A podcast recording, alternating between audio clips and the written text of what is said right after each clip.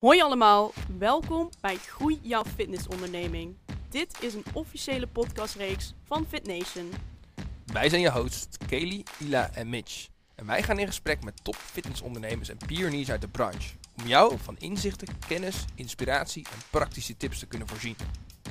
Deze podcast is van fitnessondernemers voor fitnessondernemers.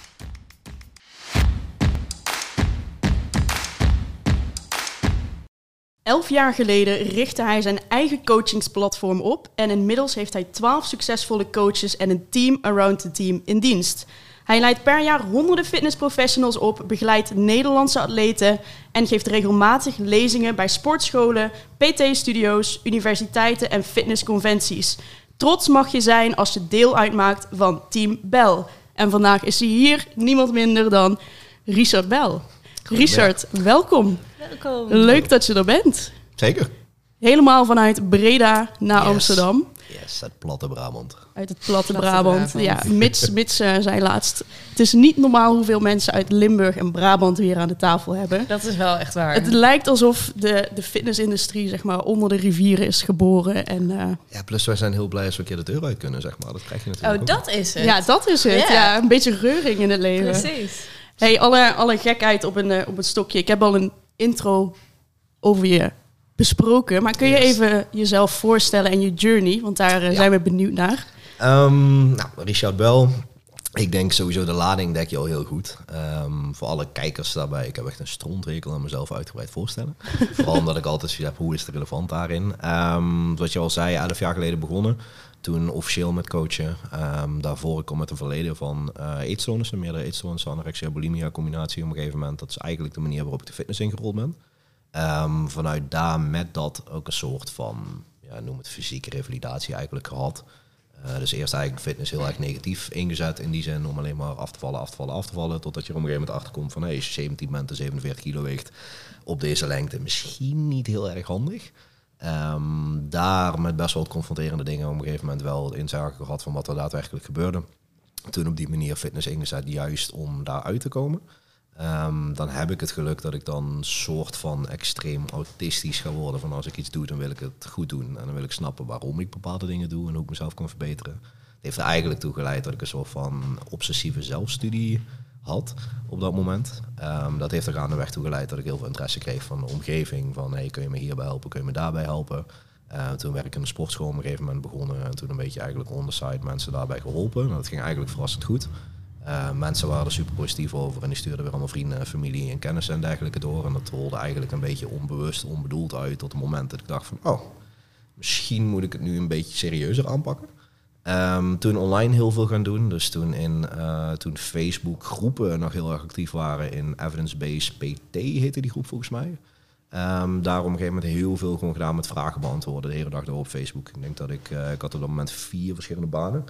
Zo, gewoon, puur om, ja, gewoon puur om te kijken van ik wil, ik wil gewoon nu ervaring opdoen en ik wil gewoon kijken. Dus ik was toen een studie fysiotherapie en psychologie gestopt. Ehm, toen op een gegeven moment gewoon die knoop doorgehakt met de tweede studie met fysiotherapie. Om dan gewoon te zeggen van oké, ik wil nu gewoon voor mezelf aan de slag. Mhm. Niet zonder slag of stoot. Vanuit ouders die zoiets hebben van ondernemers kansloos is dat niet heel erg, eh, heel erg praktisch om dan te zeggen van oké, fuck is motiverend. ja, ik, blijf ik heb echt een maand lang op mijn kamer in Nijmegen gezeten onder om van oké, ik durf mijn vader niet te bellen dat ik al een maand niet naar school ga. dat was wel een dingetje. Ehm, toen eigenlijk door Menno Henselmans op een gegeven moment eh, eigenlijk de moed ingepraat gekregen om dan toch zoiets te hebben van oké, ik, spring nu gewoon in diepe en ik zie wel wat uitkomt.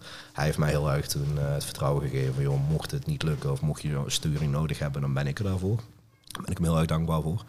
Ehm, ik had door het feit dat ik dus al alles de- om mensen om me heen had op een gegeven moment die ik eigenlijk ja, gewoon hobbymatig begeleide, had ik best wel een vangnet onder het mom van die mensen gewoon vertellen wat de plannen waren. En dat eigenlijk bijna iedereen zei van oké, dan wil ik ervoor betalen. Vrijwillig. Dus dat dekte eigenlijk al best wel snel, dekte dat gewoon je basiskosten. Eh, en dat heeft me eigenlijk gewoon de mogelijkheid gegeven om op die manier dan te zeggen van oké, nu ga ik verder dit uitbouwen.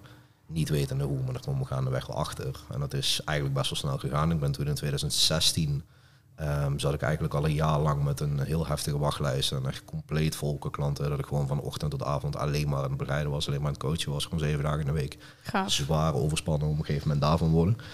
Ehm, en toen op een gegeven moment besloten om een eerste coach aan te nemen. Ja. En dat ging dermate goed dat eh, dat is in juni of juli volgens mij geweest van dat jaar. Eind dat jaar toen een tweede coach erbij. En dat is nu in, ja, daarna dan vier jaar eigenlijk gegroeid tot een team van twaalf coaches, een marketeer, een videograaf, een SEO-contentschrijver, uh, van alles erbij. Ja, een echt, een echt bedrijf ervan echt gemaakt. bedrijf. Ja, super. Ja. heel nice. En welke diensten verlenen jullie precies met, met belcoaching? Want jullie doen van alles en nog wat. Ja, we doen heel veel. ik denk de makkelijkste om het te omschrijven is vooral uh, online coaching en educatie. Ja. Dus vooral gericht op uh, het één op één begeleiden eigenlijk en op het opleiden van zowel consument als professional. Dus we hebben voor de, voor de consumententak hebben we de Bell Academy, wat zich richt op, uh, op eigenlijk een membership platform, op, op educatieve content elke week. Dan hebben we professionele kant, hebben we workshops, lezingen op aanvraag en de Hensmans PT cursus van negen Mhm. maanden. Die is begonnen als een cursus van zes maanden, nu uitgegroeid uiteindelijk tot negen. Ja, En op die manier doorgezet. En op die manier op een gegeven moment eh, gewoon even doorgekeken naar wat zijn verdere mogelijkheden zijn. Intern zijn we meerdere cursussen aan het ontwikkelen nu. Oké. En op het gebied van coaching heel divers. Echt een gemiddelde persoon van ik wil een paar kilo afvallen, ik wil wat sterker worden. Tot mensen die uiteindelijk op hoog niveau in de topsport zitten. Ja echt, eh, echt atleten, zeg Ja. maar. Coach jij ook? Daar Ja. sta je ook wel een beetje bekend om, denk ik, toch? Ehm, ja, persoonlijk wel inderdaad. Want hoe ziet jouw dag er nu uit? Want het is, is het nog steeds coaching? Want je hebt nu een heel team natuurlijk ook, wat verschillende dingen overneemt. Eh, heel divers eigenlijk. Ik heb eh, een soort van themadagen in die zin. Het is bij mijn maandag en mijn dinsdag is bijna alleen maar coaching, administratie en team aansturen. Eh, dus dan zitten de meeste vergaderingen, dan zitten de meeste, meeste meetings daarin. Dan is de woensdag en donderdag voornamelijk gewoon in het teken van content. Eh, ook afhankelijk van de week. De ene week staat bij een videograaf thuis van alles opnemen. De andere week staat op locatie videomateriaal opnemen. Of het is thuis schrijven de hele dag. En de vrijdag en het weekend is meestal eh, of iets van een workshop of een lezing of een wedstrijd of dingen inhalen van de rest van de week. Een beetje afhankelijk van wat, Wat een voor eh, moment. organisatie. Ja, Daar kunnen wij nog wat Dat- van leren. Gros mij. van de tijd. Hè. Dat eh, gaat niet altijd even soepel om dat altijd aan te houden, maar dat is in ieder geval mijn uitgangspositie. Dus dan is het een beetje afhankelijk van hoeveel brandjes moet je die week blussen. Of dat eh, Ja, perfect volgens plan gaat. Ja, nee. Ja. herkenbaar, herkenbaar. Hey, ehm, ik denk dat het eh, goed is om af te trappen met het onderwerp. Yes. Ehm, en dan wil ik eigenlijk beginnen met een stelling. Mhm. En dat is evidence-based training resulteert in de beste trainingsresultaten en zou leidend moeten zijn. Ehm, eens en oneens. Nou, dat begint goed. Ja, leg uit. Ik denk voor de mensen die mij ooit ergens voorbij hebben zien komen, ons volgen, dan heb je me heel vaak over context horen, eh, bijna mierenneuken. Mhm. Uh, maar dat is vooral omdat dat uiteindelijk het leidende is. Er is eigenlijk nooit in mijn ogen zwart-wit antwoord op iets, omdat er altijd wel of een uitzondering te benoemen is of iets van het hangt er vanaf. Ja, Um, ik denk evidence-based en vooral de eigenlijk bewijslast leggen bij wetenschappelijke evidenties, wetenschappelijk onderzoek, dat vormt een theoretisch kader. En daarbinnen moet in mijn ogen altijd een individu staan. Uiteindelijk maakt het mij niet uit wat jij aan wilt gaan halen. De vraag is altijd in mijn ogen voor jou als coach of trainer is kun je de persoon voor je, kun je die helpen? Kun jij die bij zijn of haar doel brengen? En wat ga je daarvoor doen? En dan zit je basis zit binnen theoretische kaders, die als het goed is, als je goed op de hoogte bent, maar dat is een ander verhaal, ehm, binnen wetenschappelijk onderzoek. Maar uiteindelijk vormt dan nog steeds van ja, dat is je kader waar je moet gaan kijken. Waar zit je vervolgens in het kader voor de persoon? ja. En ik kan op papier een optimaal programma maken vanuit iemands intake. Maar vervolgens als die persoon er niks mee gaat doen, omdat ze het niet leuk vinden of omdat ze iets hebben van ja, weet je, ik weet niet of ik er iets mee kan, Mhm. dan is het meest waardeloos programma ooit. Uiteraard. Maar waarom wordt er dan, want op iedere, eh, laat ik het zeggen, op iedere opleidingswebsite waar je nu kijkt, wordt gezegd evidence-based, evidence-based. Het is, het, Het is de eh, eerste factor eigenlijk. Ja, het is het- een beetje een populistische uitspraak af en toe ook, denk ik. Enorm. Maar aan de andere kant is het ook logisch, want het is gebaseerd op de wetenschap. Dus Ja. je denkt ook, oké, dat, dat zou leidend moeten zijn. Wat, wat is dan jouw, ja, je hebt al een beetje verteld wat jouw visie is. Mhm. Hoe kan het dat het zo als, als heilig wordt ervaren of waarom het nu zo populair is? Ik denk er zijn twee momentele termen waar mensen op die manier heel erg mee springen om het als label te hebben. Gewoon puur om aandacht te krijgen. Dat is aan de ene kant is het evidence-based en wetenschappelijk onderbouwd. En het is het gedeelte vitaliteit. Eh, vitaliteit is Ja. inmiddels bij iedereen definiëren het en niemand krijgt voor elkaar. Het is allemaal ik doe iets met stress, slaap en leefstijl. Definiëren het en dan wordt het heel snel heel vaag. Ehm, en zelfs degene die het in Nederland voornamelijk op de kaart heeft gezet, Chief van uh, Chief opleidingen, die heeft, daar, ja, die heeft er meerdere minuten voor nodig om het uit te leggen. Dus dan denk ik van oké, dat op een webpagina krijgen. Ik moet de eerste partij nog zien die vitaliteit goed definieert op een salespagina. Zegt Chi zelf overigens ook. Ehm, dat is daar één kant. En dan heb je aan de andere kant het wetenschappelijk onderbouwde. Dan denk ik van, ik snap wat je wilt zeggen. Mijn vraag is dan altijd alleen hoe ga jij dit toepassen alleen op de klant ook, maar ook vooral nuance bewaken. Want als het goed is, als je wetenschappelijk onderbouwd bent en je bent bekend met de literatuur op heel veel vlakken, zouden er geen kampen moeten kunnen zijn als het goed is. En Nederland loopt in mijn ogen wat dat betreft nog achter op eh, de internationale markt. In de zin van dat hier nog heel veel in hokjes gedacht wordt. En mensen heel erg zitten van, ja, wetenschap kan een mening zijn. Of wetenschap kan altijd iets zeggen. Dan denk ik, nee.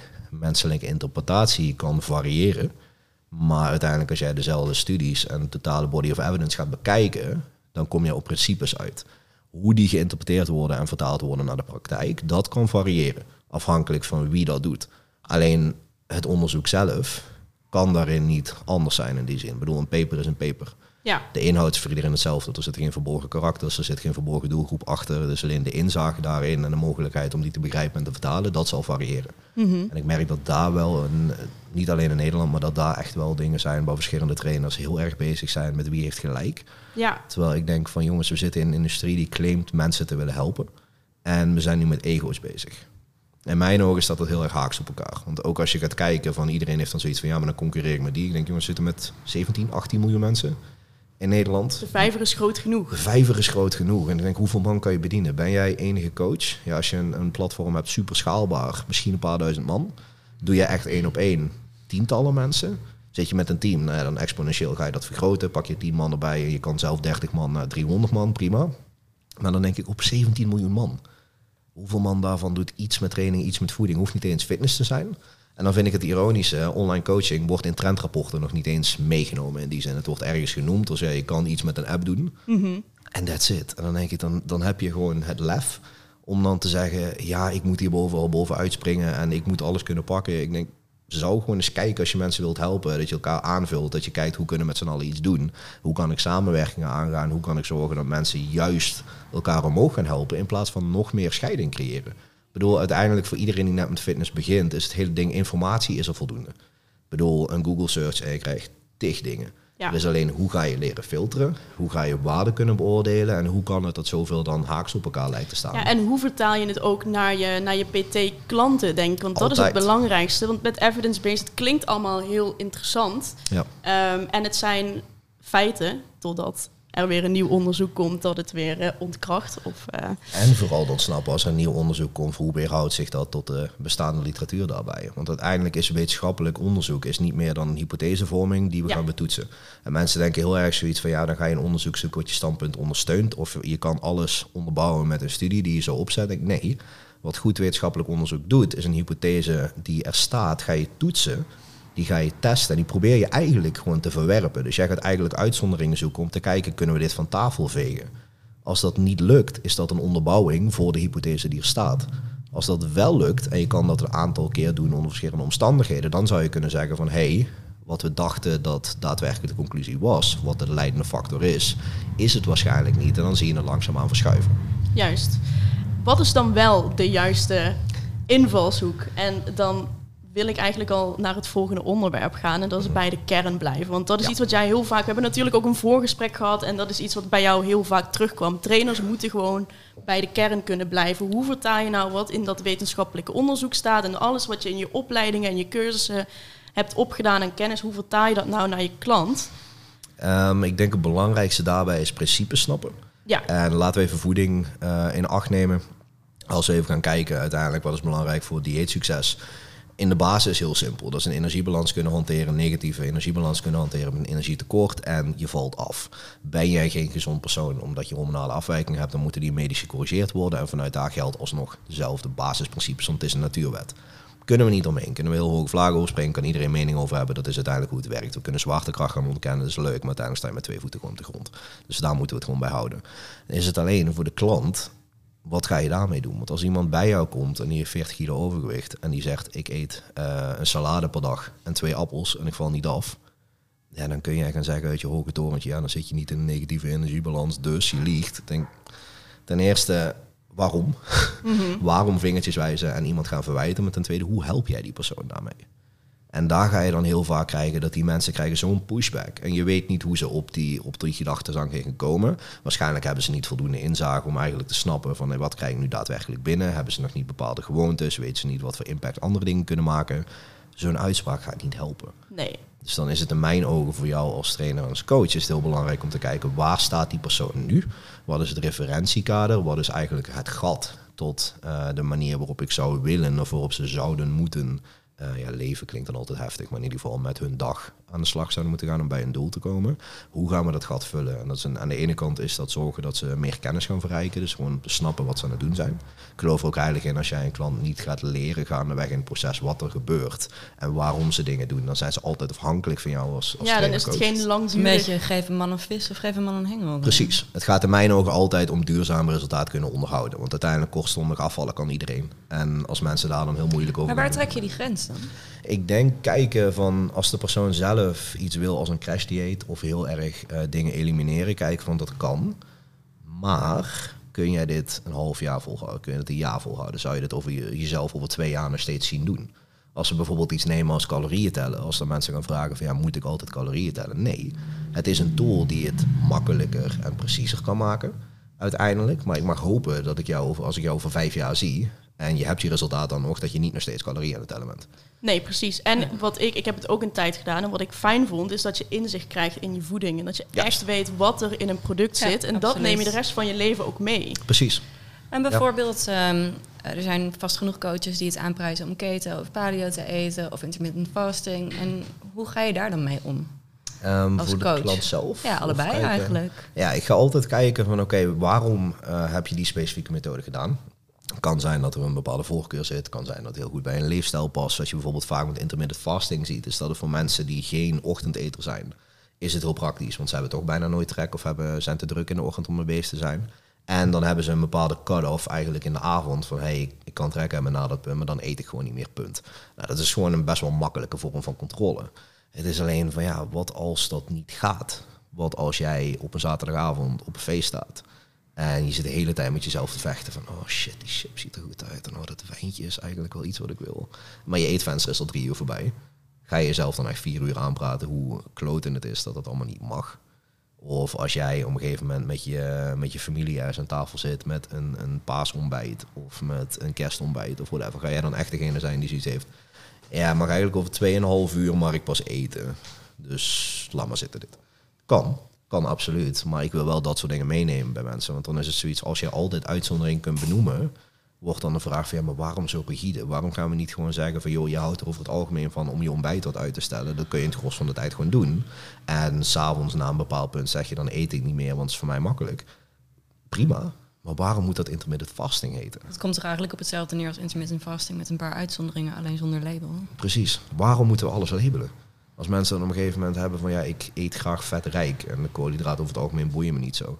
Prima, maar waarom moet het ketogeen zijn? Waarom moet het meteen een extreme? Waarom moet het zwart-wit? Ja, Dat is mijn issue met de fitnessindustrie vaak, is dat we echt heel erg met extreme zitten. Terwijl ik denk van zo eens kijken van wat is duurzaam uiteindelijk. en wat werkt voor een bepaald individu? Precies, precies. Ja, Denk je dat, eh, dat veel coaches hier ook te ver in gaan? Omdat, nou, jij komt net zelf natuurlijk vanuit een achtergrond met eetstoornissen. Ja. Denk je dat dit een probleem is in de industrie? Ja, heel erg. Ehm, ik denk dat er bij sommige sporten ook inherent aan de sport is. Dat er zoveel focus zit op eh, wat er naar binnen gaat en hoe iemand eruit ziet, hoe je moet presteren.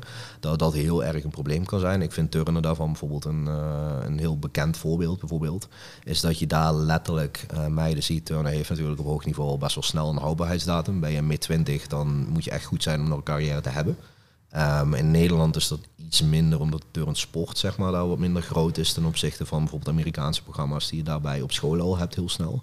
Ehm, maar daar wordt heel snel gezegd op een gegeven moment, je moet lichter zijn. Je moet lichter zijn, je mag niet te groot zijn. Maar dat is nog wel gericht op een performance. En als je Ja. bijvoorbeeld kijkt naar bodybuilding, dat is eigenlijk puur voor het aesthetic purposes. Ja. Ik denk bodybuilding en eh, zeker de boost die social media daaraan heeft gegeven, heeft, is een heel erg double-edged sword eigenlijk. Het is heel erg voordelig voor veel mensen en het is echt de grootste valkuil voor veel mensen. De reden dat ik mezelf op een gegeven moment heb besloten om, ik blijf me specialiseren in bodybuilden, is ook voornamelijk om het mentale stukje daar mensen te behoeden. En ja, dat zal dan niet op grote schaal uiteindelijk kunnen, omdat dat zoiets is dat de meeste mensen zoiets hebben van ja, eetschema, een beetje raggen en het zal wel. Ik denk, oké, maar iedereen die ik er wel uit kan halen om eens verder te kijken dan het podiummoment. Wat doen we dan? Want vraag één die ik mensen vaak al stel is, als je nog nooit een wedstrijd hebt gedaan, hoe weet je zeker dat je het leuk vindt? Het proces waar je mee bezig bent, weet je dat je dat leuk vindt, maar het podium zelf moet nog blijken. Ik heb mensen meegemaakt die letterlijk van het podium afkomen met een gigantische smaal. Waar je dan denkt van, hey, hoe was het? En dan is het van één meisje, vergeet ik nooit meer, die kwam er vanaf. En supergoed gedaan op het podium zelf. En die kwam er helemaal glimlachend vanaf. En die zei van, die kutzooi doe ik nooit meer. Letterlijk in die woorden.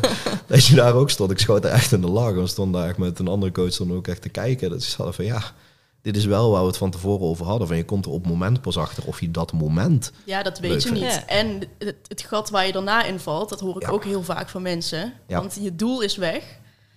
Ja, en dan? Ja, het is heel erg leven naar een datum. En dat wordt gezien als een soort deadline. Maar ik wil van tevoren al bezig zijn met het proces daarna.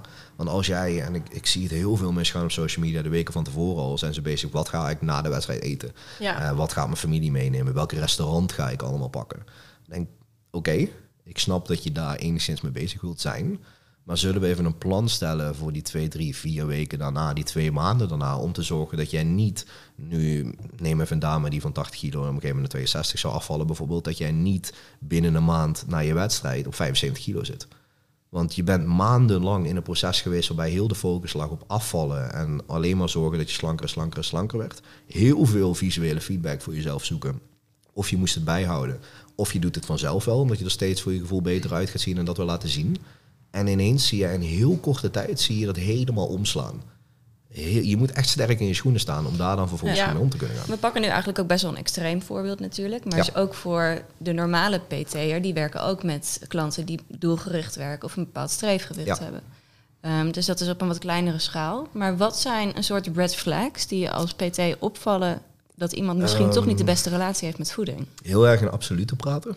Heel erg onder het mom dat ze, als ze van alles bijhouden en ik ga vragen naar momenten waarop dat niet kon, hoe, gaan ze hoe omschrijven ze dat? Niet eens hoe definiëren ze, maar wat voor dingen halen ze daarbij? Zijn dat vooral positieve dingen? Zijn dat vooral heel erg zichzelf neerpraten?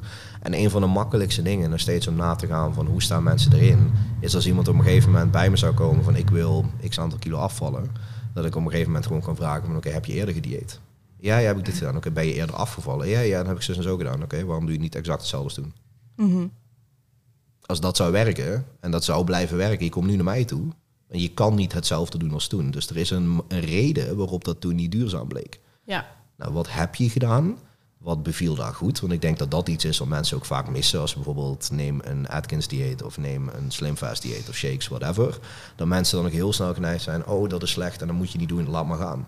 Terwijl ik eens wil weten van, hey, als jij daar 15 kilo mee bent afgevallen, of je nou terug bent gewonnen daarna of niet, je hebt een periode, heb je dat heel goed kunnen doen. Wat is nu hetgeen wat daar uiteindelijk voor jou wel werkte op dat moment? En hoe kunnen we die principes meenemen dat we hem misschien kunnen verbeteren, dat het wel duurzaam blijkt? Misschien Juist. is dat zoiets simpel als, hey, ik at maar vier keer per dag en daarbuiten niet. Prima. Ja. Laten we het dan geen shakes maken, maar laten we wel een maaltijdfrequentie vastzetten. En dat soort dingen. Laten we even gaan naar de, de, de basisprincipes van training, van Mhm. trainingsleer. Ehm, kun je daar iets meer over vertellen? Yes. Ehm, hoe wil je hem insteken? Kracht, spiergroei? Spiergroei is voor de meeste mensen denk ik het relevantst. Ehm, in de basis is het simpel, waardoor het complex lijkt te worden. Is in de basis, als we kijken van überhaupt iets van progressie, eh, moeten we weten wat is je belastbaarheid. Ja. Dus simpelweg waar herstelt jouw lijf van? Dat wordt gedicteerd onder andere door je slaap, eh, door je stressmanagement. En stress is in de zin van wat gebeurt er cognitief, wat gebeurt er uiteindelijk eh, daarbij in je hoofd ook, maar ook vooral hoe is je omgeving? Drink jij, rook jij? Wat is je, je energiebalans? Zit jij in een overschot, zit je in tekort? Geeft allemaal andere belastbaarheid op je lijf. Ehm, dan heb je op een gegeven moment, dus die stress vanuit voeding. Je hebt stress dan vanuit leefstijl, wat ik zeg maar die alcohol, roken, sedentair zijn. Stress vanuit training, simpelweg wat doe jij in de sportschool. En cognitieve stress, dus simpelweg hoe druk ben je in je hoofd. Ik denk dat dat voor heel veel mensen ook lastig is om te definiëren, omdat mensen stress heel erg zien als het moet acuut heel erg pieken. Terwijl stress simpelweg voor mij iets is als iemand heel neurotisch bijvoorbeeld een dag moet indelen. En heel erg al in paniek schiet als daar iets wegvalt. Of als eh, stel je gaat naar een afspraak en de trein komt niet. Of de trein stopt of er springt iemand voor of wat er ook gebeurt. Daarbij, oké, wat doet dat dan met je? Hoe weerbaar ben je op dat moment voor zoiets? Dat kan mij ook heel veel inzage geven uiteindelijk hoe, hoe iemand cognitief met stress omgaat. Ehm, die dingen genomen. En dan ga je vervolgens kijken van oké, wat gaat je belasting zijn? Dus wat doe je in de sportschool? Wat doe je aan dagelijkse beweging? Wat, wat voor belasting plaats je op je lijf? Die twee dingen, die moet je aan elkaar gaan matchen, altijd. Wat je ook gaat doen, wat voor manier je ook wil gaan vasthouden, het gaat altijd om het managen van die belasting en die belastbaarheid. En je belastbaarheid moet altijd zo hoog mogelijk zijn. Over het algemeen, want dan kun je je belasting ook hoger plaatsen. Maar als jij vervolgens alleen gaat redeneren van hey, je moet zoveel sets per week doen of je moet zo vaak per week trainen, terwijl je daar geen zicht op hebt van wat kan iemand hebben, heb je een volledige mismatch. Dus ik wil altijd even kijken van hoe kunnen we zorgen dat de basis zo goed mogelijk is. Dat iemand routine heeft, dat iemand gewoon goede nachten maakt, dat ze daar doorslapen, dat ze niet de hele dag vermoeid zijn, dat ze zo stressvrij zijn over het algemeen als kan binnen hun factoren. Ehm, en hoe match ik daar vervolgens de training op? En dan gaan we kijken, en dat is ook zo meteen zo'n voorbeeld van wetenschappelijke literatuur, van hoe kan het misgaan als je daar alleen naar kijkt. Als we kijken voor spiergroei, en dan wat is de consensus over het algemeen, is de richtlijn over het algemeen tussen de 10 en de 20 plus sets per week. Voor de meeste personen. Maar dat betekent, er zit een uh, gedeelte van het spectrum zit eronder, onder de 10, en dan zal een gedeelte van de mensen boven de 20 kunnen vallen. Heeft dat er dan mee te maken met de, ervaar ja, de ervaring die iemand heeft? Dus beginner of intermediate, gevorderd? Ja, deels is het een uh, gedeelte niveau. Uh, wat dat eigenlijk gewoon doet, is dat hoe hoger het niveau van iemand, hoe hoger de belastbaarheid fysiek zal zijn. Ja. En ik denk dat we daar heel snel de mist, ook de plank misslaan. Is dat mensen dan denken, hé, hey, als jij gevorderd zou zijn, dan moet jij veel volume draaien, moet jij veel belasting draaien. Dan denk ik, ik snap waarom je op dat punt komt.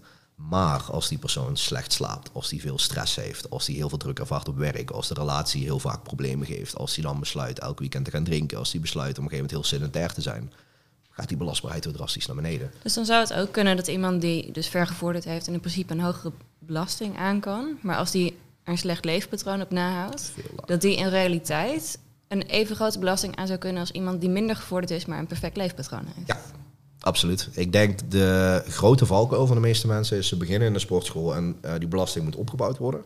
Dan komt er op een gegeven moment een punt waarbij ze niet meer weg kunnen komen met heel veel, omdat de belastbaarheid uiteindelijk niet dermate meegegroeid is. Los van het fysieke. Dus ze zijn te weinig gaan kijken naar die basisprincipes, te weinig hun leven zo gaan inrichten, daar verbeteringen aanbrengen, waardoor het op een gegeven moment wordt van ik wil maar meer doen of ik wil hetzelfde doen. Dan kom je op een punt van hetgeen wat jou halfgevorderd gevorderd maakt, gaat jou niet vergevorderd maken. Vaak maar vordering hangt toch ook af van uh, consistentie. Dus als ook. je steeds gaat aanpassen op bijvoorbeeld, ik heb een hele drukke week, nou dan ga ik maar wat minder sporten. Kan ja. ik dan nog wel vooruit gaan boeken? Ja, het is acuut. Uh, zou ik nooit alles direct om gaan gooien. Ik heb wel altijd met klanten heel duidelijk gewoon be bepaalde parameters dat we kijken van joh, afhankelijk van jouw daadwerkelijke herstel, wat we weer verschillende dingen meten. We kijken eerst altijd, zet je een van een bepaald iets van, oké, okay, probeer het. Ongeacht hoe jij je voelt, probeer daar het voorgeschreven doel te behalen. En dan wordt het een uh, als x dan y of als uh, y dan z verhaal. Dus haal je het wel, dan ga je door. Haal je het niet, stel je op deze manier bij. Dus jij stelt ook altijd hypotheses voor je klanten? Ja, ja, dus ze hebben al duidelijke richtlijnen, noemen we reactief deloaden, altijd om te kijken van, joh, weet je, stel je hebt deze week 14 sets, stel dat is je norm voor je programma voor de komende tijd, alleen er komen deadlines aan op werk, daar ervaar je heel veel stress van, slaap jij slecht door, is er een kans dat dat invloed op een gegeven moment gaat hebben, omdat je lichaam gewoon op een gegeven moment veel minder herstelt daarin. Ja, prima. Stel je hebt op je squat, zou je vier sets hebben die sessie, probeer het set 1, nou gaat dat top, zet je hem door. Kan ook zijn, set 1 gaat al helemaal beroerd, prima, doe techniekwerk voor die overige sets of laat het gaan. Stel we zouden laten gaan, dan is als we daar drie sets weghalen en we zaten op 14 sets bijvoorbeeld voor die quadriceps, zitten in één keer op 11. Betekent dat op dat moment voor die week wordt dat naar beneden getrokken, waardoor uiteindelijk um, herstel daarbij beter gefaciliteerd wordt. Met als gevolg dat waarschijnlijk die week niet overbelast wordt, waardoor je volgende week niet hoeft bij te stellen en waarschijnlijk hetzelfde kon aanhouden. In plaats van dat je continu gaat zeggen van we moeten x aantal weken trainen. Dan week 5 is een deload. Terwijl misschien de deadline in week 6 zit. Week 5 had je door kunnen trainen. Week 6 had je naar beneden gemoeten. In plaats van dat je zegt van ik ga week 5 deloaden. Week 6 ga ik doorpakken. Maar week 6 is mijn meest stressvolle week. Alles gaat ruk. Waardoor mijn programma van week 7, 8, 9 niet goed doorgepakt kan worden. Waardoor ik vervolgens op week 10 nog steeds een beetje aan het strijden ben met mijn heel generieke programma. Ja, als ik jou zo, sorry, als ik jou zo hoor, uh, hoor vertellen, dan um, kan ik eigenlijk concluderen dat je alles logt bij een klant. Uh, ja, ik log alles. Uh, dus ook slaap, een stressfactor. Ja, klant hoeft bewust maar een gedeelte te doen. Maar okay. waar zit dan, en ik denk dat dat ook wel veranderd is over het algemeen over de laatste jaren, maar waar zit dan de scheiding tussen een lifestyle coach en een personal trainer? Ehm, in mijn ogen kunnen die twee niet los van elkaar staan. Tenzij een trainer heel bewust zegt, ik doe het trainersgedeelte en daar laat ik het bij. Probleem is alleen, alles binnen die training wordt beïnvloed door het leefstijlgedeelte. Wat dus betekent, als je het goed zou willen doen, moet je die dingen samenpakken. De vraag is alleen, als trainer zelf, één, kun je dat op dit moment? Kan zijn, je kan natuurlijk in ontwikkelen. Twee, moet je dat willen. Um, dus bijvoorbeeld als ik voor mezelf kijk, ik ben persoonlijk heel veel bezig met atleten. Ik ben veel bezig ook met relatief heftige gevallen. In de zin van het is op hoog niveau atleten. Het zijn mensen die veel prestatiedruk hebben. Het zijn mensen die misschien vanuit verschillende problematiek komen, die bepaalde prestatiedrukken opzitten, zeker als ze geld verdienen met hun sport. Wat kan betekenen is dat op psychologisch is het vaak dat er heel veel uh, bij komt kijken. Dan is het ook bij de gemiddelde trainer, zeker als je net begint of uh, nog redelijk onervaren bent, moet jij dat willen moet jij willen continu op zo'n scheidingslijn te zitten van wanneer moet ik externe psychologen bijhalen? Of wanneer kan ik het nog tackelen? Want het gevaar is ook, en dat is zeker bij bijvoorbeeld dingen met eetstoornissen of echt heftige diep, uh, problematiek, is dat er een punt gaat komen. Ja, jij kan snappen, ik moet dieper graven. Als jij op een bepaald punt die beerput opentrekt en jij hebt dan een punt dat je voor jezelf denkt, oh shit, ik kan er niks mee. Die put is open. Pandora's box is open nu, dus alles knalt eruit.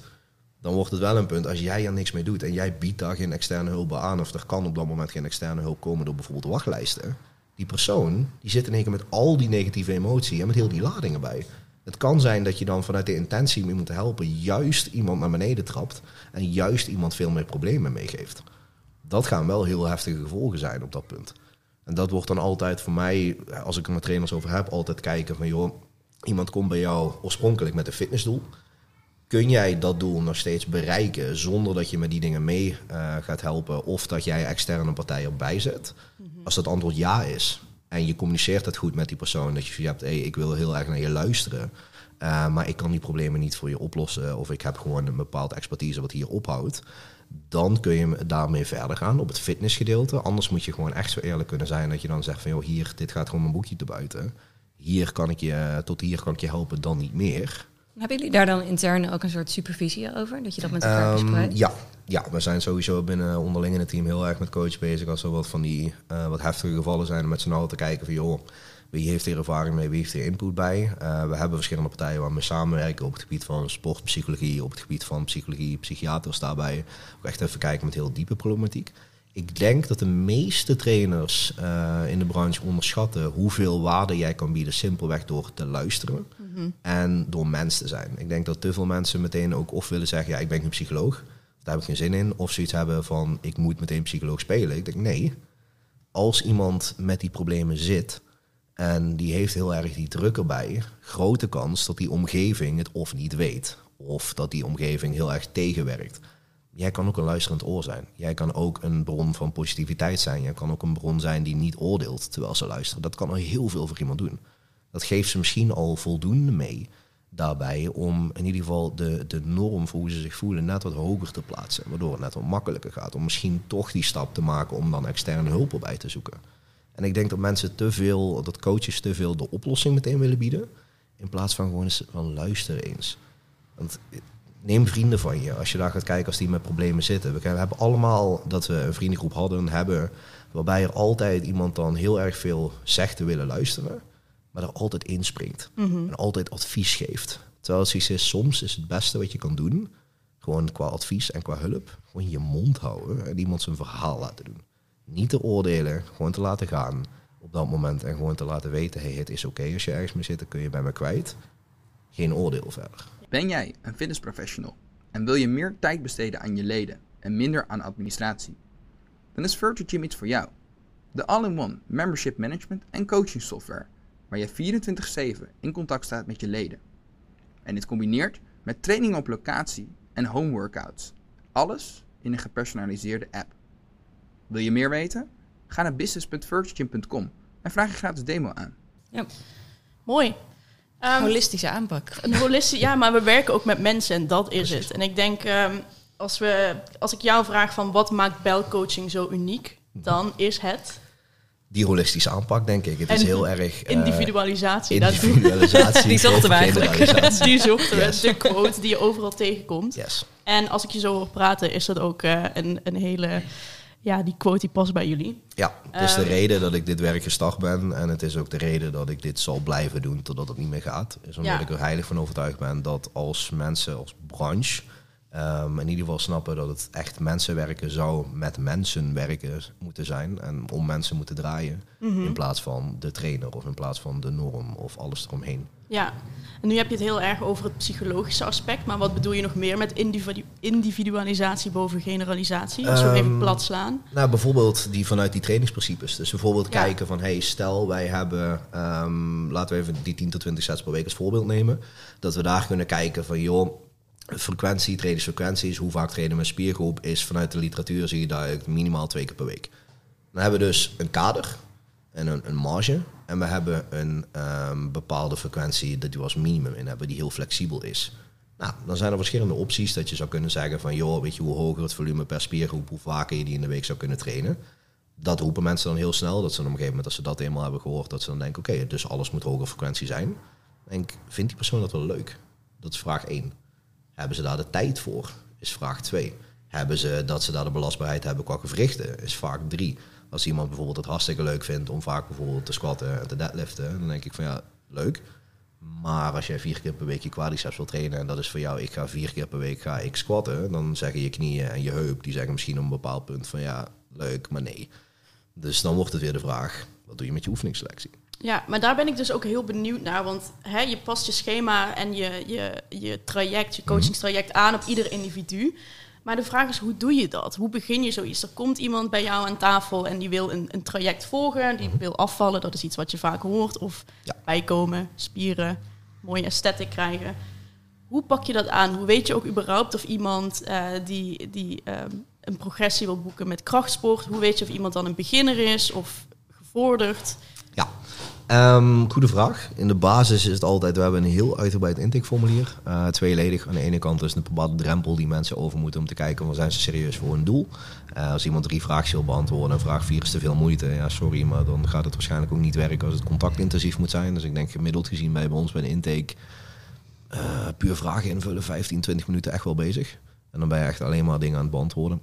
Wat wij mee willen doen is juist die beginsituatie zo duidelijk mogelijk in kaart brengen. Dus het gaat heel erg van, hey, wat is je doelstelling? Wat vind je leuk? Waar liggen je voorkeuren? Wat zijn je mogelijkheden? En ook daar zie je vaak verschil. Dat mensen op een gegeven moment zeggen, ja, ik wil zes keer per week trainen. Oké, hoe vaak bij de afgelopen maanden gaan die drie keer? Hoe gaan we dat verdubbelen de komende tijd? Ja, dat wil ik. Oké, maar je werkt 40 uur per week, je bent alleenstaande moeder, je bent in het weekend, heb je een extra bijbaantje. Hoe vaak kun je trainen? Ja, die drie keer is wel realistisch. Oké, laat die zes keer even aan de kant. Laten we daar gewoon drie keer zeggen. En we gaan in jouw kader, ga, is het mijn taak om dingen vervolgens zo optimaal mogelijk te maken. Maar dat betekent dus optimaal voor jou, met jouw leefsituatie. En niet wat ik denk dat het zou moeten zijn. Ehm, dan gaan we kijken, wat heb je tot dusver gedaan? Wat is je trainingsgeschiedenis? Eh, zijn er bepaalde blessures geweest? Zijn er bepaalde pijntjes momenteel? Zijn er bepaalde irritaties daarbij? Zijn er oefeningen waar je heel snel juist de voorkeur voor hebt of die je haat? Psychologisch gezien kan dat veel doen, maar het kan ook mij iets zeggen over iemands bewegen. Als iemand bijvoorbeeld structureel zoiets heeft van eh split squats, neem dat als voorbeeld. De ene persoon vindt ze mentaal helemaal niks. De andere persoon zegt van ja, ik heb continu last van mijn knieën en van mijn heup, bijvoorbeeld van mijn onderrug. Weet ik wel, waarschijnlijk technisch gezien zijn er wel dingetjes om naar te kijken. Dus misschien gaan we geen split squat programmeren, maar we kunnen wel af en toe een keer kijken van wat zouden we doen in de beweging, omdat dat ook weer overlap gaat hebben met bewegen en andere oefeningen. Ehm, dan zijn er gewoon fysiologische dingen waar ik naar wil gaan kijken qua structuur. Dus foto's om te kijken ten eerste wat is je lichaamssamenstelling, maar ook wat is je bouw. Dus wat je heel erg ziet, ehm, bijvoorbeeld de omvang van het skelet. Dat zegt iets over iemands mogelijke potentie tot spiermassa uiteindelijk. Als je kijkt van wat gaat in heel veel sporten, gaat succes bepalen, is hoe is iemand gebouwd. Ik bedoel, ik kan denken, ik ga in een NBA ga ik basketballen. Dat is leuk, maar dat ga ik met mijn lengte niet doen. Dan moet ik 30 tot 40 centimeter minimaal uiteindelijk niet. voor groeien. Precies. Daar moeten we allebei wel iets voor gaan groeien. Dus dan is het ook echt zoiets van, ja, dat valt dan daarbij weg. Ehm, als je gaat kijken van wie heeft de meeste potentie uiteindelijk voor kracht en voor spiergroei, en over het algemeen wat meer qua polsomvang, qua enkelomvang, groter skelet. Dat zie je het snelst daarbij. Dus het eh, is toe genetisch bepaald. het is deels absoluut genetisch bepaald, wat dus ook weer invloed heeft. van als jij zegt ik wil competitief van bodybuilden, ja dat is leuk. Maar als jij rechthoek gebouwd bent, Mhm. met heel kleine enkelomtrek, heel kleine polsomtrek, eh, heel kleine handen, ja. Maar zeg je dan ook tegen iemand, dit gaat hem niet worden? Ik ben heel eerlijk met iemand dat ik zoiets heb van, eh, als de insteek alleen is, ik moet en zal wedstrijden winnen en ik wil naar het hoogste podium gaan komen. Ehm, dat ik dan wel zeg van luister, dat is gewoon niet realistisch. Er is een heel groot gedeelte dat je absoluut ook moet kijken. We moeten kijken wat erin zit. Want er zijn zeker gevallen waarbij iemand op papier misschien niet heel gezegend is, maar met voldoende werk. En als ze heel hard werken, heb ik het vaak genoeg meegemaakt dat de underdog uiteindelijk heel ver komt. Maar er zit een plafond aan. En ik denk zeker binnen bodybuilden is dat sprookje wordt nog heel erg in stand gehouden. Terwijl mijn eerste punt altijd is van oké, wat is voor jou een podium? Ja, dat is dan naar de Olympia gaan. Ik denk oké, ga je steroïden gebruiken? Nee, maar zwaar anti. Oké, schrijf die maar weg. Dat is al punt 1. Die reality check moeten ze al hebben. En ik maak het voortdurend mee dat mensen dan bij mij komen en dan vervolgens dat benoemen. Dat geen enkele coach ooit tegen ze heeft gezegd van jongens, steroïden gebruik op dat niveau is inherent aan de sport. Hè? En dat je daar dat gesprek al moet gaan hebben. En dat ze in het begin echt helemaal in de war zijn. Dat ze zeggen van ja, maar je bent coach 5. Hoezo hoor ik dat nu voor het eerst pas?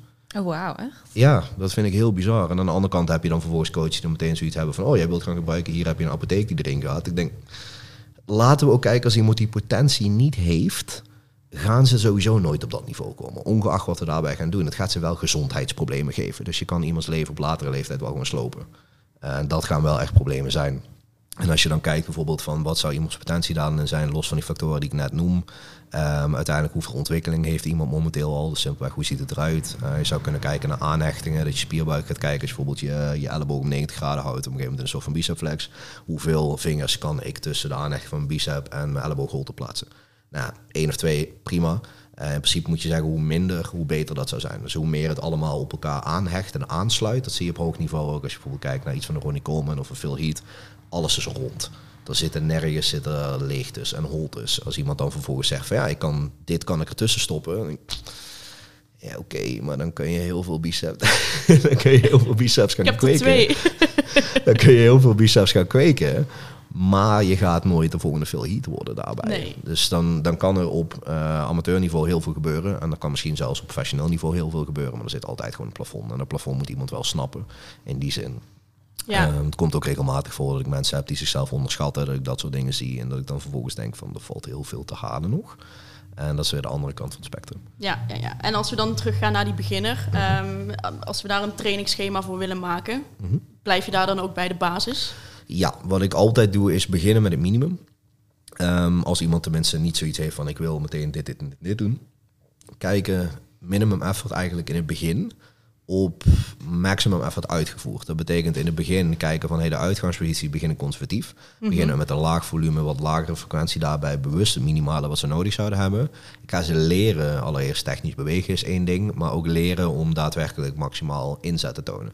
Dus bijvoorbeeld als we het hebben over de hele discussie altijd online, hoeveel herhalingen tot falen moet ik trainen, welke RPE moet ik hanteren. Denk, de gemiddelde persoon, wat zij falen noemen, is verre van. Ja. Dat is echt een handjevol van falen af. Dan is het echt zoiets van leg extension. En dus blijf maar doorduwen. En dan op een gegeven moment krijg je video's. En dan gaan die het laatste is paar wel allemaal herhalingen. online wat jullie doen, toch? Ja, Dus ja we hoe- doen wel fysieke dingen op aanvraag.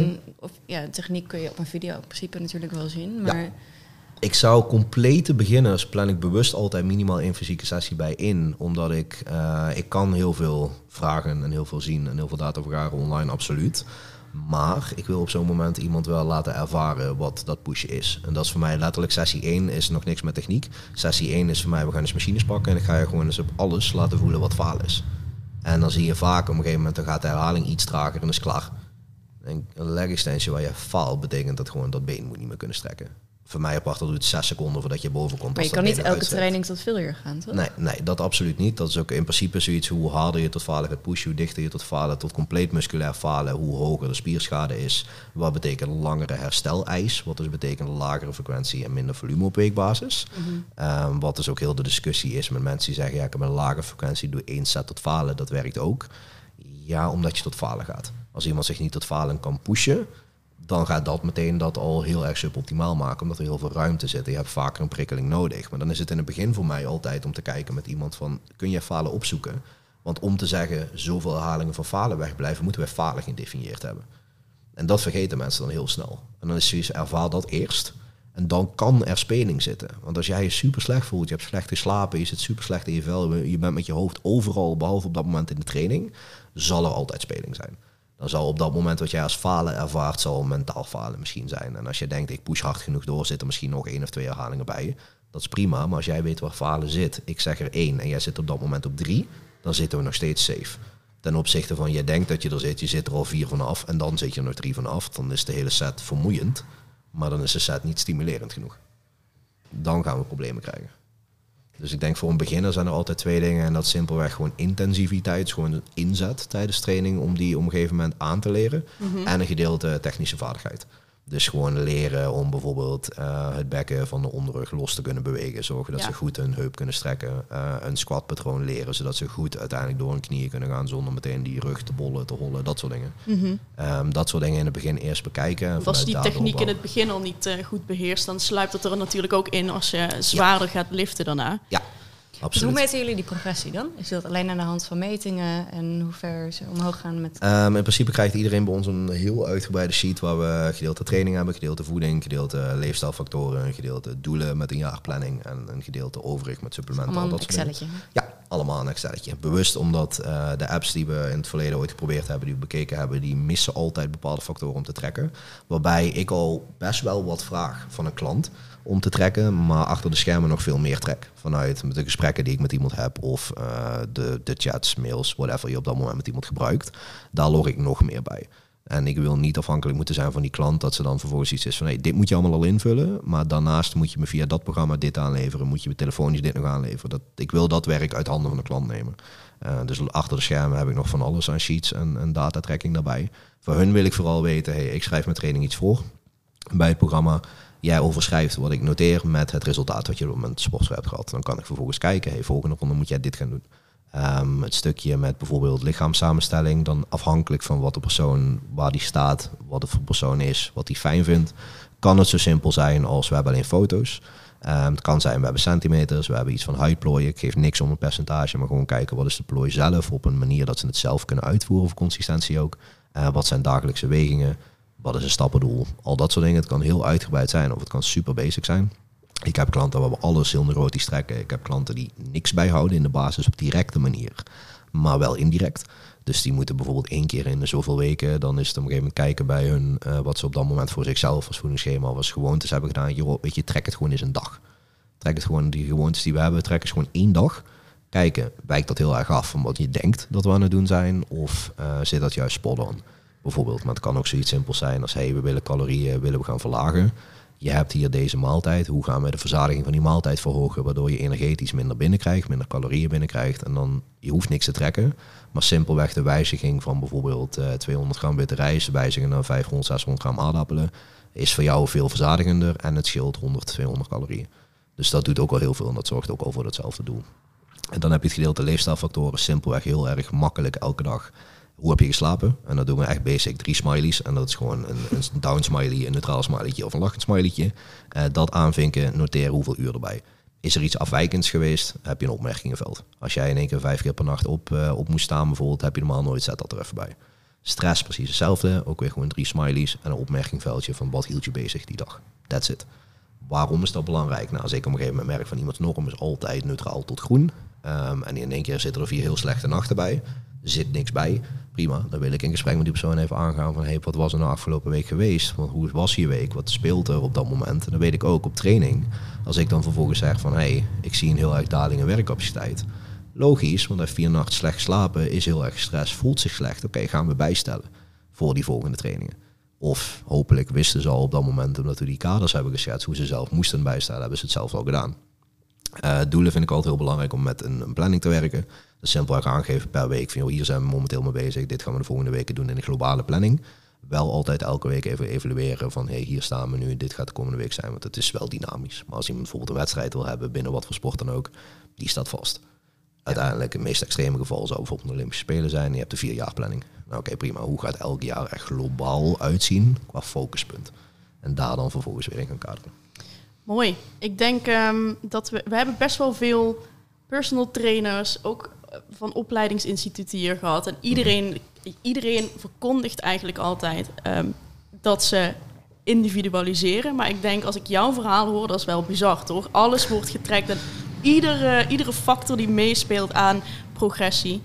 Eh, die, die wordt meegenomen. Dat vind ik, eh, vind ik maar ook inderdaad die lange termijn doelen. Dat, dat vind Ja. ik heel mooi. Het is niet alleen, oh, we gaan naar dit strijfgewicht of, of we willen dit bereiken. Maar het is die hele holistische aanpak eigenlijk Ja. die naar Ja. voren komt. En je ziet het ook met trainen, dat iedereen het altijd over optimale trainingsprogramma heeft en optimaal resultaat. Terwijl ik zoiets heb van ja, maar even op papier hè. Als het jou nu veel meer rust geeft en je hebt veel meer tijd voor andere hobby's en het kost jou drie jaar in plaats van anderhalf tot twee. Alleen jij bent veel gelukkiger daarbij en je komt er uiteindelijk nog. Is het dat waard om dat aan de kant te schuiven? Ironisch genoeg, mijn best presterende hoogniveau atleten hebben altijd een bepaald punt waar we gaan zoeken naar andere hobby's om erbij te gaan doen en minder in de sportschool te zijn in plaats van doe maar meer. Gewoon puur om te zorgen van ja, jij bent Dat heb ik je echt nog nooit niet. gehoord. Nee. Nee. Ja, wat je ziet, en dat zeker als mensen voor betaald krijgen, het wordt werk. Je moet je af kunnen sluiten. Dus als jouw hele identiteit hangt aan ik ben bodybuilder, ik ben powerlifter, ik ben sprinter, ik ben bokser, whatever. Maar dat is jouw identiteit. Ik mag hopen dat je andere dingen kan benoemen. Als jij, fuck, ik zet je op een blind date neer. Stel jezelf voor. Ik mag hopen dat de eerste zin uit je mond niet is ik ben bodybuilder, ik ben powerlifter, ik ben bokser. Ik mag hopen dat er een mens zit Ja. die andere interesses heeft. Ja, ja. Daar wil ik hem eh, mee afsluiten. En dan gaan we naar de kijkersvragen. Er is eentje binnengekomen via de chat. Ik ga hem even voorlezen. Hi, ik, ben een, ik heb een meisje, niet ben. Ik heb een meisje van 14 met een net vastgestelde eetstoornis. Ze vindt het moeilijk om meer te gaan eten. Wat kan ik voor haar doen als fitnessinstructeur? Is langzaam aan het kracht opbouwen. Is langzaam kracht opbouwen het handigst? Dus massa. Eh, goede vraag. Complexe vraag als we volledig diepte in zouden willen gaan. Ik denk, ehm, ze is 14. Ik denk het belangrijkste, redelijk jong. Ik denk het belangrijkste op die leeftijd, maar dat geldt voor mij in het algemeen, is zorgen dat ze plezier heeft. Het feit, als ik hoor eetstoornis en ze komt bij een sportschool, dan wil je eerst weten van wat is de aanzet geweest dat ze hier komt. Als dat is van ik moet drie uur per dag op de cardiomachine staan, hoi, heb ik gehad. Ehm, dan heb je een probleem. Ik denk dat, dat dat heeft mij ook gered, om het zo even te zeggen. Dat er gewoon echt een, de eigenaar van de sportschool mij letterlijk op dat moment gewoon geconfronteerd heeft. Niet op de meest subtiele en denk ik meest efficiënte manier. Maar het was uiteindelijk heeft het wel geholpen. Die heeft mij letterlijk gewoon mijn shirt uit laten doen in het midden van een bomvolle sportschool. En gewoon laten zien dat heel de zaal gewoon met afschuw zat te kijken. Dat doet iets met je. Was niet meest tactisch om dat moment om te doen. Maar het heeft me uiteindelijk wel daarin geholpen. Ik zeg niet dat je dat ooit moet gaan doen. Daar had ik ook absoluut af. Eh, maar ga een gesprek aan. Ga gewoon eens even kijken. Niet oordelen, maar gewoon eens kijken van... hé, hey, wa- waarom kom je hier? Wat vind je leuk om te doen? Waarom doe je dat? Ik denk het belangrijkste in zo'n situatie is gewoon eens te kijken van... probeer haar überhaupt eens, eh, als ze nu doet... want dat is een aanname... probeer haar eens van de cardio weg te krijgen. En probeer haar eens gewoon een, een gevoel van plezier te geven... en met die andere dingen bezig te zijn. Begin daar. Zorg dat iemand het leuk vindt om naar de sportschool te komen en daar te blijven komen ook vooral, zonder dat zij dingen gaat doen die misschien direct averechts gaan werken. En dan kan je garanderen als de basis bij iemand met, ik ga er nu volledig vanuit trouwens dat dit anorexia is, maar eh ondereten in ieder geval. Als de basis is, ik ga sportscholen associëren met uren op de cardio staan, Ja. die perceptie wil ik veranderen. Ik wil daar in ieder geval veranderen, want ik ga meer doen dan alleen op die loopband, op die fiets, op die crosstrainer staan. Laat ze dat eerst even doen. Als het dan even kan, probeer daarin te ondersteunen dat je eigenlijk met iemand gaat kijken van hé, hey, we gaan eens wat dingetjes bijhouden. En dat hoeft niet een volledig programma te zijn, maar dat kan bijvoorbeeld wel van hé, hey, we gaan bijvoorbeeld vandaag iets met je benen doen. En dan kan jij, als je met hem meeloopt, indirect wel kijken van hé, hey, ik doe stiekem ongeveer dezelfde oefeningen of ongeveer dezelfde patronen. En ik ga in de gaten houden als ze na verloop van tijd daar net wat meer doen. Ik je meer, zet je meer, gewicht meer, bij dat soort dingen. Maar dat jij indirect iets aan het bijhouden bent. Misschien vindt ze het zelf hartstikke leuk om te doen, zou kunnen. Dat ze juist het gevoel van eh, prestatie heeft. Dat ze juist het gevoel heeft van, hé, hey, dit lukt mij. En Wat je dan vaak ziet, is dat mensen op een gegeven moment ook heel erg mentaal aangesterkt worden door het feit dat ze juist progressie in zoiets kunnen boeken en beter kunnen worden. Ik denk heel belangrijk om dan ook complimenten te geven en heel erg een vorm van positiviteit te zijn. Dus absoluut niet te zeggen wat ze fout doen of wat, ze, wat er beter zou kunnen, maar juist te beoordelen wat er goed gaat. Ehm, neem bijvoorbeeld bepaalde oefeningen die je eraan gaat leren. Je gaat met de squat op een gegeven moment. Er zijn zes dingen die je mis ziet gaan. Benoem dat niet. Kijk dan wat gaat er wel goed. Benoem dat eerst. En pak dan misschien één ding wat je zou kunnen aanpassen. En laat het daarbij. Ja. Ook omdat misschien één aanpassing voldoende is voor die andere dingen. Misschien fixt dat zichzelf al. Dat zou ook nog kunnen. Maar geef iemand altijd het gevoel als ze weggaan bij jou als trainer, als instructeur of whatever, dat ze dan met een positiviteit uitkomen en dat ze een positieve ervaring hebben en associatie gaan krijgen met de sportschool, met het trainen en met jou als persoon. Ik denk dat je dan al heel veel gaat doen voor de band. Eh, maar vanuit daar voeding zou ik altijd opletten om daar directe invloed te hebben. Maar ik zou invloed proberen te hebben op de omgeving. Dus misschien een keer in gesprek gaan met de ouders. Kijken, zijn zij bewust van het feit wat er een hand is? Uh, hoe gaan zij ermee om? Ik denk sowieso wel handig in dit geval met een ja, 14-jarige. Ja, zeker. Maar zelfs op latere leeftijd zou ik dat doen. Ik heb genoeg gesprekken op een gegeven moment, zelfs mensen in de 30, 40, whatever zijn, met gewoon partners. Ja. Met kinderen soms. Want uiteindelijk die omgeving, daar zijn ze veel meer uh, tijd bij dan dat uurtje, twee uurtjes bij jou. Sportschool is dan relatief weinig op basis van een hele week. Dus je wil kijken hoe kan ik zorgen dat alles daaromheen buiten de sportschool, dat dat steeds meer gaat bijdragen aan het uiteindelijke doel waar ze heen wil. In dit geval is dat waarschijnlijk wat aankomen daarin. En daar moet je dan naar gaan kijken, wat kan ik daar bieden. En het gaat gewoon open gesprek aan. Ga mhm. niet zeggen, hey, dit moet je dochter doen, dit verwacht ik dat beter is. Nee, ga gewoon eens kijken, hoe staan die ouders erin? Werken zij samen met het kind? Uh, communiceren zij samen? Of schrijven zij al heel erg dingen voor? Hoe is zijn communicatie met het kind als die eetstoornis net vastgesteld is, wat ik in de vraag lees? Hoe gaan zij daarmee om? Gaan ze ermee om? Je moet nu meer gaan eten en dit is slecht en dit is slecht voor je en dit is gevaarlijk. Het gaat lastiger worden dan om daar vervolgens heel veel invloed op uit te oefenen. Omdat zij nog niet op dat punt zitten, puur waarschijnlijk uit bescherming voor het kind. Mhm. Dat zij zoiets hebben van hé, dit doen we samen. Het is niet ouders commanderen, kind volgt. Want we zijn allemaal kind geweest en hoe harder je ouders roepen dat je iets moet doen, hoe meer jij ging denken van, hmm, moet je niet. Dat blijft. Zo werkt het. Zo werkt het. Dus daar samen gaan kijken hoe kunnen we dit samen doen. En samen kan dan zijn met de omgeving ook erbij. Maar ik denk wat in ieder geval voor, voor jou als instructeur heel belangrijk is, is gewoon kijken hoe kan ik zorgen dat de ervaring hier leuk is, dat de ervaring positief is. Wat is het voor personenbeeld die zelf dingetjes bijhouden? Uh, zo niet, dan doe jij dat. Maar dan in ieder geval wel kijken hoe kunnen wij zorgen dat we na verloop van tijd plezier houden. Dat ze met mhm. plezier hierheen komt zonder dat altijd de focus ligt op ik moet meer bewegen, want dan word ik slanker of iets in die richting. Ja, mooi. Goede tip. Ehm, ik denk dat we er langzaam zijn en we sluiten eigenlijk de podcast altijd af met een gouden tip van jou naar de luisteraars. En Volgens dan mij hebben we heel veel gouden tips nou gehad. Ja, inderdaad, ik, uh, ik denk voor de personal trainer en de coaches die luisteren dat het een hele waardevolle podcast is. Maar um, als zij één tip zou mogen geven aan personal trainers, en of dat nou beginnend is of meer ervaren, wat is jouw gouden tip? Um, zorg dat de kennis die je vergaart, dat je die in praktijk toe gaat passen. Dat je gaat experimenteren met hetgeen wat je leert. Zorg dat wetenschappelijk onderzoek, als je het kan interpreteren, of je hebt mensen die het voor je kunnen interpreteren, dat dat je basis qua kader vormt maar zie het niet zwart-wit. Uiteindelijk zorgt de ervaring die jij opdoet met het werken met mensen, zorgt ervoor met hoe goed je dingen kunt toepassen. En gaat er op termijn voor zorgen dat je kan afwijken wanneer nodig. Uiteindelijk is het enige wat, wat boeit en wat jouw werk is, is het helpen van de persoon voor je. Als dat niet lukt, maakt het mij niet uit wat voor titels je hebt, wat voor papiertjes je hebt, hoeveel mensen je hebt geholpen. Kun jij de persoon voor je helpen? Ja of nee? En daar moet je op kunnen bijstellen. En dat doe je deels doe je dat absoluut door je kennis te vergroten.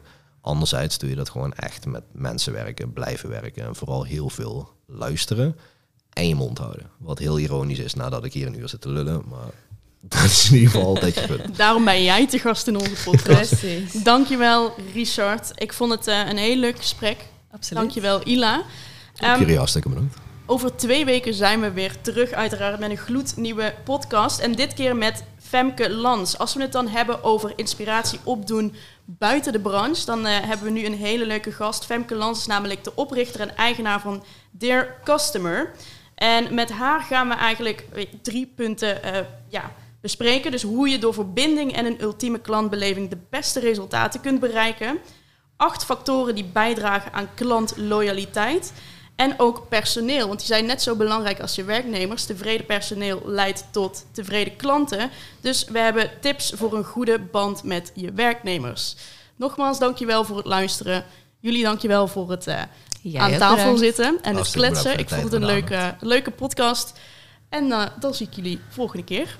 Tot de volgende. Tot de volgende.